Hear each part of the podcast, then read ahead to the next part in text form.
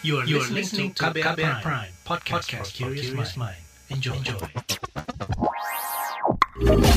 Kamu lagi dengerin What's Trending KBR Pagi.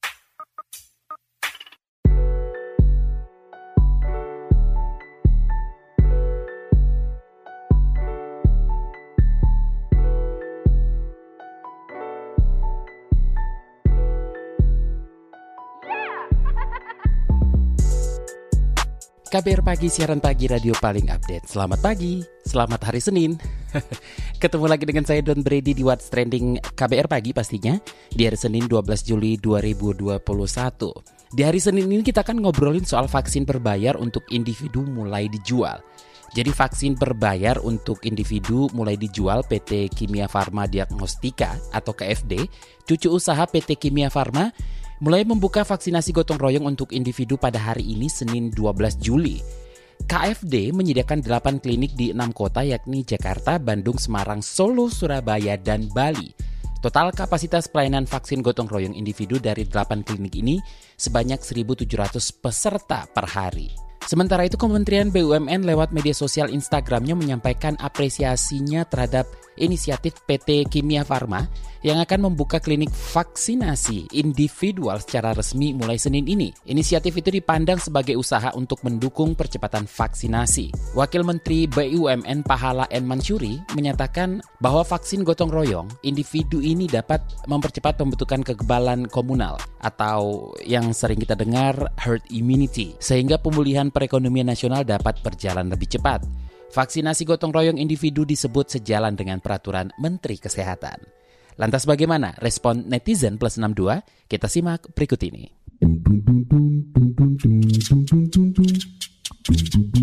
Pertama akun at Andra Runika 09 Pikir kami gratis Gak apa-apa kami disuntik Sinovac atau AstraZeneca Yang penting gratis Lanjut ke akun at Ben Bella underscore iya. Kalau KF bisa nyediain Moderna sama Pfizer Ya nggak apa-apa aja orang yang mampu bayar. Nunggu pemerintah handle mau beres kapan. Semua ke vaksin. Lambat. Akun at Okhai Nugroho. Karena vaksin yang gratis susah Makanya ada yang berbayar ya. Kenapa yang gratis susah?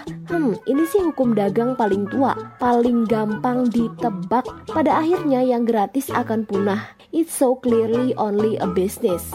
Kalau akun Nick Wafiro, dalam pengetahuan kami jenis vaksin hanya ada dua. Satu vaksin untuk masyarakat, dua vaksin yang disediakan perusahaan untuk karyawan dan keluarga karyawan. Dan yang paling penting keduanya gratis sesuai keputusan Komisi 9 yang diperkuat oleh keputusan Presiden Ed Jokowi. Akun Ed Ruli Tawang, kalau emang dijual tolong dilengkapi dengan asuransi jiwa. Bila kalau ada apa-apa atau efek samping ada yang bertanggung jawab. Akun @gpgpyong. Pak Erik boleh tolong dibantu tim Bio Farma, Kimia Farma Pusat dan Kimia Farma cabang daerah agar lebih cepat komunikasi dan pelaksanaannya untuk vaksin gotong royong. Minimal timnya balas WA saya gitu Pak. Kasih informasi cepat jelas kapan karyawan saya keburu berguguran. Yang terakhir akun @juhaiman15. Sebenarnya ini cukup adil karena saya pribadi juga merasa tidak enak pakai vaksin gratis. Sementara di lapangan banyak sekali masyarakat yang membutuhkan vaksin gratis. Intinya sediakan vaksin gratis untuk masyarakat kecil. Ke akun Edwardoyok88. Ya kudene rasa dijual belikan oleh negara tapi gratis di Pokesmas. What's Trending KBR Pagi Balik lagi di What's Trending KBR Pagi, kita lanjutkan ngobrolin soal vaksin berbayar untuk individu mulai dijual. PLT Direktur Utama KFD Agus Chandra ini mengatakan bahwa vaksinasi gotong royong tak akan mengganggu vaksinasi program pemerintah karena menggunakan jenis vaksin yang berbeda. Kita simak penjelasannya dalam konferensi pers daring 11 Juli 2021 berikut ini. Untuk membuka kesempatan yang seluas-luasnya pada warga negara Indonesia ataupun warga negara asing yang ingin melaksanakan vaksinasi secepatnya supaya herd immunity segera terbentuk. Nah, berapa yang kita siapkan gelontorkan untuk stok vaksinasi yang kita gunakan untuk vaksin individu tentunya akan bertahap sesuai dengan ketersediaan vaksin yang ada. Saat ini vaksin yang untuk vaksin gotong royong baru Sinovac jenisnya dan sudah masuk 500 ribu di batch pertama dan 1 juta di batch kedua kemarin. Jadi total 1 juta setengah. Kita melaksanakannya berdasarkan penugasan daripada Bio Farma maupun Kimia Farma TBK untuk layanan vaksinasi. Kita buka untuk tahap awal ini di 8 titik, yaitu tiga di Jakarta, di Jakarta Senin, Pulau Gadung, maupun di Blok M. Jadi ada di timur, di pusat, maupun di selatan. Kita akan perluas nanti ke beberapa titik yang ada di Jakarta. Kemudian ada di Bandung, di Solo, di Semarang, Surabaya, dan Bali. Jadi total ada 8 titik. Masing-masing titik kita siapkan 5.000 dosis untuk sambil melihat kesiapan ataupun animo maupun demand daripada masyarakat. Yang jelas sekarang semua warga negara Indonesia bisa memperoleh layanan vaksinasi dan kita ingin membantu program percepatan vaksinasi ini bisa berjalan. Tujuannya yang pasti untuk mempercepat ekonomi kita pulih. Jadi banyak yang memang rela bersedia ah kita memang kalau punya kemampuan kita akan melakukan vaksinasi ini. Nah jumlahnya itu tahap sekarang memang baru 40 ribu dosis yang kita gelontorkan. Nanti melihat perkembangan selanjutnya setelah ketersediaan vaksin gotong royong eh, mulai bertambah lagi pundi-pundinya. Selain di klinik-klinik kimia farma, kami berencana akan melakukan di beberapa titik yang memang cukup strategis seperti di bandara, di beberapa bandara nanti kita berkolaborasi dengan Pharmalab untuk layanan vaksinasi warga negara asing maupun warga negara Indonesia yang ada di bandara. Lalu seperti apa teknisnya untuk mendaftarkan vaksinasi gotong royong individu ini?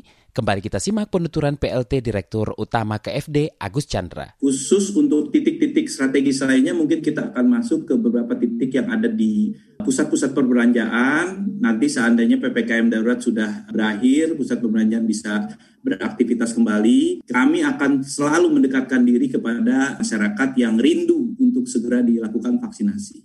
Dan vaksinasi ini sifatnya opsional, tidak wajib, masyarakat bisa memilih. Karena kenapa?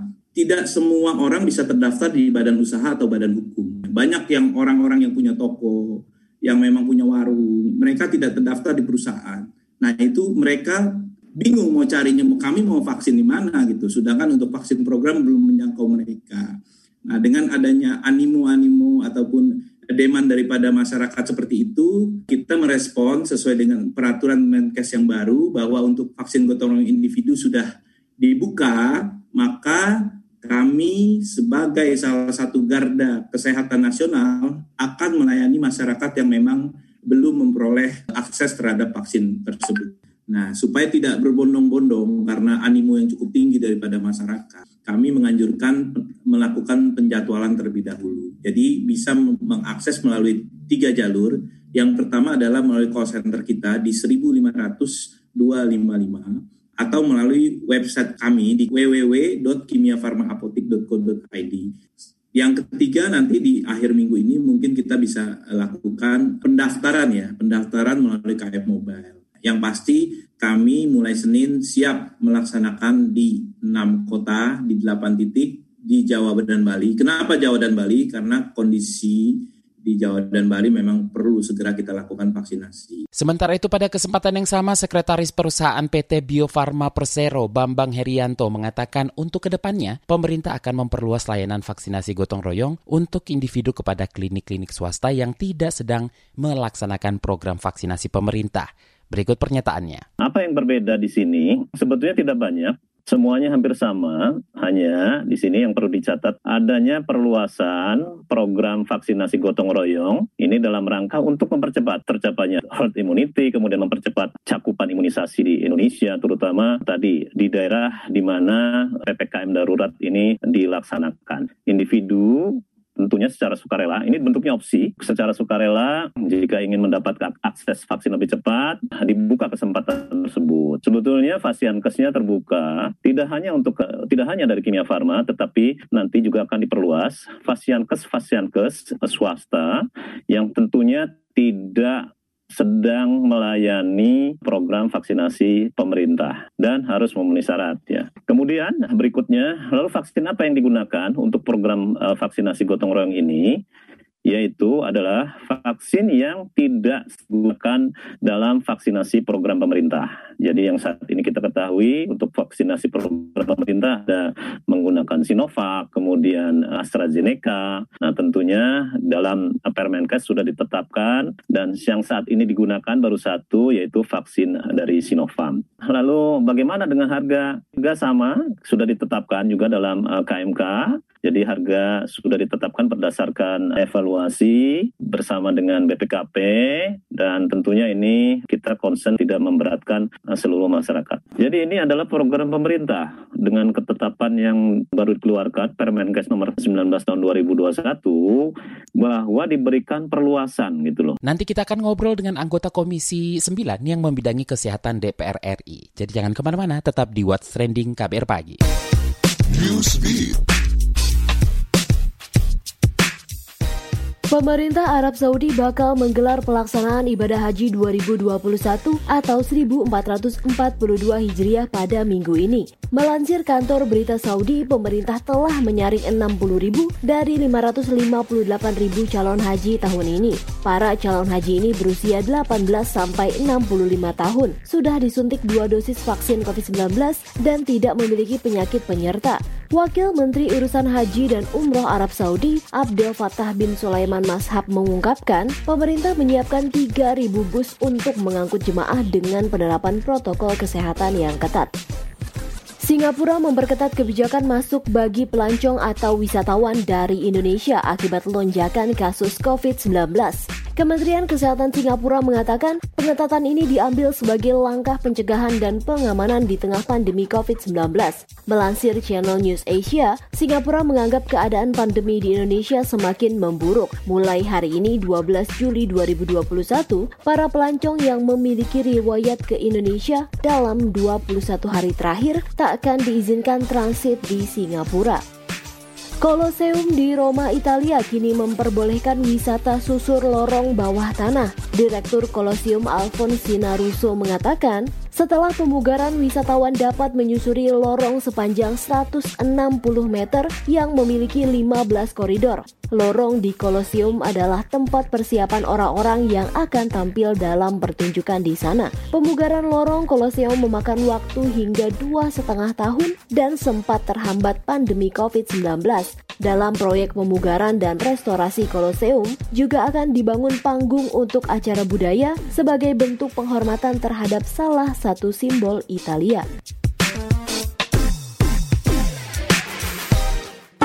What's Trending KBR Pagi.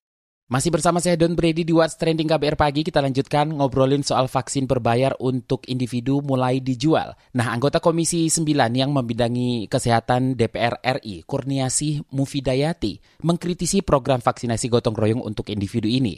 Lebih lanjut, kita langsung saja tanyakan kepada Kurniasih Mufidayati. Bagaimana Anda melihat program vaksinasi gotong royong atau VGR individu oleh Kimia Farma? Yang pertama, kita dari Komisi 9 nggak diajak diskusi tentang hal ini ya. Padahal kita baru rapat hari Senin kemarin dengan Kemenkes. Terus yang kedua, pada rapat-rapat, udah berapa kali rapat ya kita sejak Menteri Pak Terawan, kemudian ganti Menteri Pak BG itu kita sudah sampaikan. Kita tidak setuju adanya vaksin mandiri yang berbayar untuk masyarakat. Kita setuju adalah vaksin program nasional karena ini harus kewajiban pemerintah untuk menyediakan vaksin buat seluruh rakyat Indonesia, buat seluruh masyarakat yang memang harus divaksin. Dan kalaupun gotong royong itu pun gotong royong yang dikelola oleh perusahaan ya, yang memang betul-betul karena untuk vaksin pegawai-pegawai ataupun karyawan-karyawan ataupun pekerja-pekerjanya di perusahaan tersebut. Akankah program ini mengganggu program vaksinasi dari pemerintah dan vaksinasi gotong royong dari perusahaan? Vaksin mandiri pribadi gitu ya itu karena kita khawatir satu ini menghambat stok dari pengadaan vaksin untuk vaksin nasional ya program nasional. Kan kalau sampai saat ini vaksin yang program nasional aja kan masih jauh dari target gitu. Harusnya itu diutamakan dulu. Jadi kita meminta karena vaksin ini adalah hak rakyat Indonesia, meminta ini ditanggung oleh negara. Jadi tidak ada unsur dagang vaksin gitu loh. Nanti kita khawatir juga akan terjadi perdagangan vaksin kalau kayak gini gitu.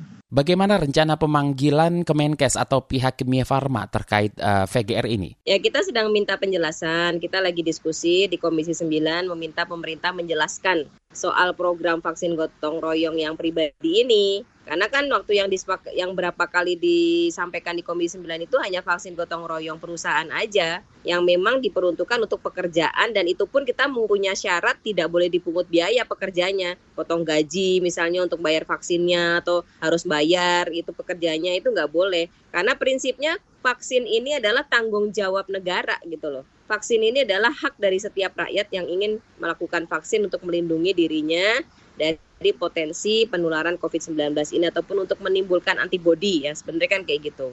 Gitu. Nah ini kan kita kalau kayak gini nanti khawatir akan terjadi jual beli vaksin yang lebih tidak terkendali ya. Kemudian juga nanti vaksin nasionalnya juga terhambat. Harusnya kan kita mengejar pada optimalisasi vaksin nasional vaksin nasional ini masih jauh dari target. Harusnya kan akhir tahun ini sudah 100 sudah tercapai herd immunity kan target dari Pak Jokowi kan. Makanya didorong satu hari satu juta. Bagaimana satu hari satu juta ini kalau memang tidak didok, tidak didorong, malah pada bikin pribadi-pribadi, pada bikin masing-masing. Jadi ini terkesan tidak ada kesatuan koordinasi kalau kayak gini gitu. Masih adakah catatan terkait program vaksinasi yang sudah berjalan? Oh ada banyak. Kalau yang vaksin nasional itu kan kita meminta menggesah ya supaya pemerintah mempercepat target pemenuhan vaksin sesuai dengan hitungan-hitungan yang sudah pernah didiskusikan di Komisi 9 yaitu akhir tahun ini sudah selesai dan sudah diharapkan bisa tercapai herd immunity gitu kan dan untuk itu berarti harus harus apa yang dilakukan oleh pemerintah yang menyediakan vaksinatornya, menyediakan vaksinnya dan menjamin vaksin tersebut aman, tetap berkualitas dan efektif sampai disuntikan kepada masyarakat. Kan ada tiga syarat vaksin itu bisa berhasil. Ada vaksinatornya. Ada vaksin, nggak ada vaksinator, kita nggak bisa vaksin. Ada vaksinator, nggak ada vaksin, kita nggak bisa vaksin. Jadi masih banyak catatan kita baru mencapai dari 181 juta itu masih jauh lah, masih jauh sekali gitu. Separuhnya juga belum ada. Padahal sekarang udah bulan Juli.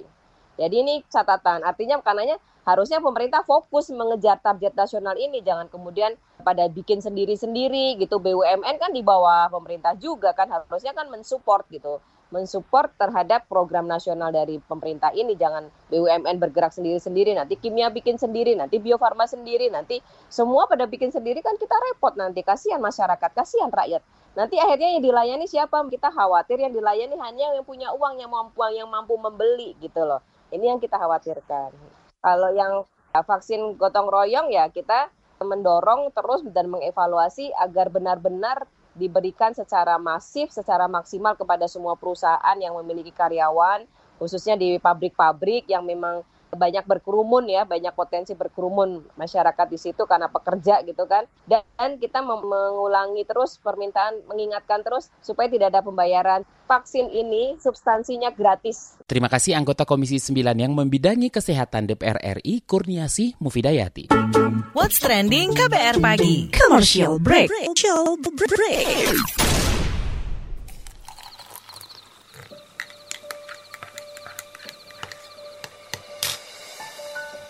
Hai, kamu apa kabar? Masih suka menikmati senja dan kopi? Aku masih ingat kebiasaan kita. Sehabis pulang kerja, selalu mencari tempat untuk sekedar ngobrol dan ngopi. Tapi kadang kita kehabisan bahan obrolan.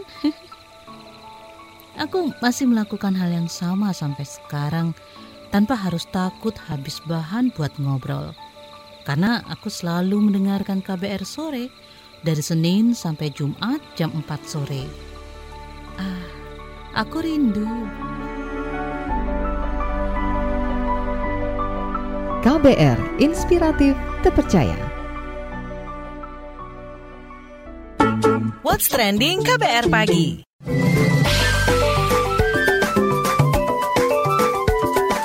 WhatsApp Indonesia. WhatsApp Indonesia dimulai dari Jakarta. Menteri Agama Yakut Kolil Komas mengumumkan pemerintah menetapkan Hari Raya Idul Adha jatuh pada 20 Juli 2021 mendatang. Keputusan ini diambil setelah sidang isbat yang dilakukan secara daring. Melalui keterangan persnya, Yakut mengimbau masyarakat mengikuti surat edaran terkait panduan ibadah. Selama PPKM darurat, peribadatan di tempat ibadah, malam takbiran, dan sholat idul adha ditiadakan. Terkait pembagian daging kurban pun tidak boleh ada antrian, melainkan panitia membagikan daging ke rumah-rumah penerimanya. Sementara itu, Ketua Komisi 8 DPR Yandri Susanto juga meminta masyarakat mematuhi aturan yang ada demi menekan penyebaran COVID-19 di Indonesia. Yandri mengatakan penanganan pandemi ini memerlukan kepatuhan umat dalam menjalankan protokol kesehatan. Selanjutnya menuju Jawa Timur. DPRD Kota Surabaya menyarankan pelaksanaan vaksinasi anak usia 12 hingga 17 tahun dilakukan di sekolah masing-masing. Melansir antara, Wakil Ketua DPRD Surabaya Reni Astuti mengatakan, saran ini mengacu kepada pengalaman vaksinasi tetanus, campak, dan difteri yang sebelumnya dilakukan di sekolah. Reni meminta Dinas Kesehatan segera berkoordinasi dengan Dinas Pendidikan untuk mendata anak-anak yang memenuhi kriteria vaksinasi COVID-19. Meskipun begitu, vaksinasi harus berdasarkan izin orang tua dan tetap menerapkan protokol kesehatan. Vaksinasi COVID-19 pada anak sangat penting untuk mencapai kekebalan komunal dan terkendalinya penyebaran virus di Surabaya. Selain itu, Ketua Komisi D DPRD Surabaya Husnul Hotima mengatakan, pendampingan psikologi terhadap anak selama vaksinasi dan pandemi sangat penting untuk melindungi anak. Terakhir mampir Jawa Tengah. Pemerintah Provinsi Jawa Tengah meluncurkan aplikasi JOS untuk memantau ketersediaan oksigen di seluruh rumah sakit. Gubernur Jawa Tengah Ganjar Pranowo mengatakan, melalui aplikasi JOS ini, pemerintah lebih mudah mengetahui ketersediaan oksigen di rumah sakit agar memudahkan koordinasi suplai oksigen. Kata Ganjar, seperti di daerah lainnya, Jawa Tengah juga mengalami kelangkaan oksigen. Bahkan sejumlah rumah sakit hanya memiliki persediaan sehari dan nyaris tak ada rumah sakit yang memiliki stok cukup. Karena itu butuh tata kelola dari rumah sakit perihal pengadaan, pengiriman, dan cadangan oksigen. Sementara ini ada sekitar 480 rumah sakit yang telah menggunakan aplikasi ini. Ia mengklaim saat ini Pemprov Jawa Tengah telah memperoleh 5 isotank. Dua di antaranya akan dikelola sendiri. Dengan demikian akan memudahkan pengelolaan oksigen dari produksi hingga pendistribusiannya. Ganjar juga meminta semua rumah sakit menyiapkan setidaknya satu person in charge atau PIC sebagai penanggung jawab khusus oksigen untuk memudahkan informasi kekurangan dan kebutuhan oksigen bagi pasien COVID-19. Tiap rumah sakit juga diwajibkan melaporkan ketersediaan oksigen dari waktu ke waktu secara berkala setiap hari. Demikian WhatsApp Indonesia hari ini. Demikian KBR pagi hari ini. Jika Anda tertinggal siaran ini, Anda kembali bisa menyimaknya di podcast What's Trending yang ada di Spotify, di kbrprime.id, atau di aplikasi mendengarkan podcast lainnya. Dan Brady undur diri. Besok kita ketemu lagi. Stay safe. Bye-bye. Terima kasih ya sudah dengerin What's Trending KBR Pagi. KBR Prime, cara asik mendengar berita. KBR Prime, podcast for curious mind.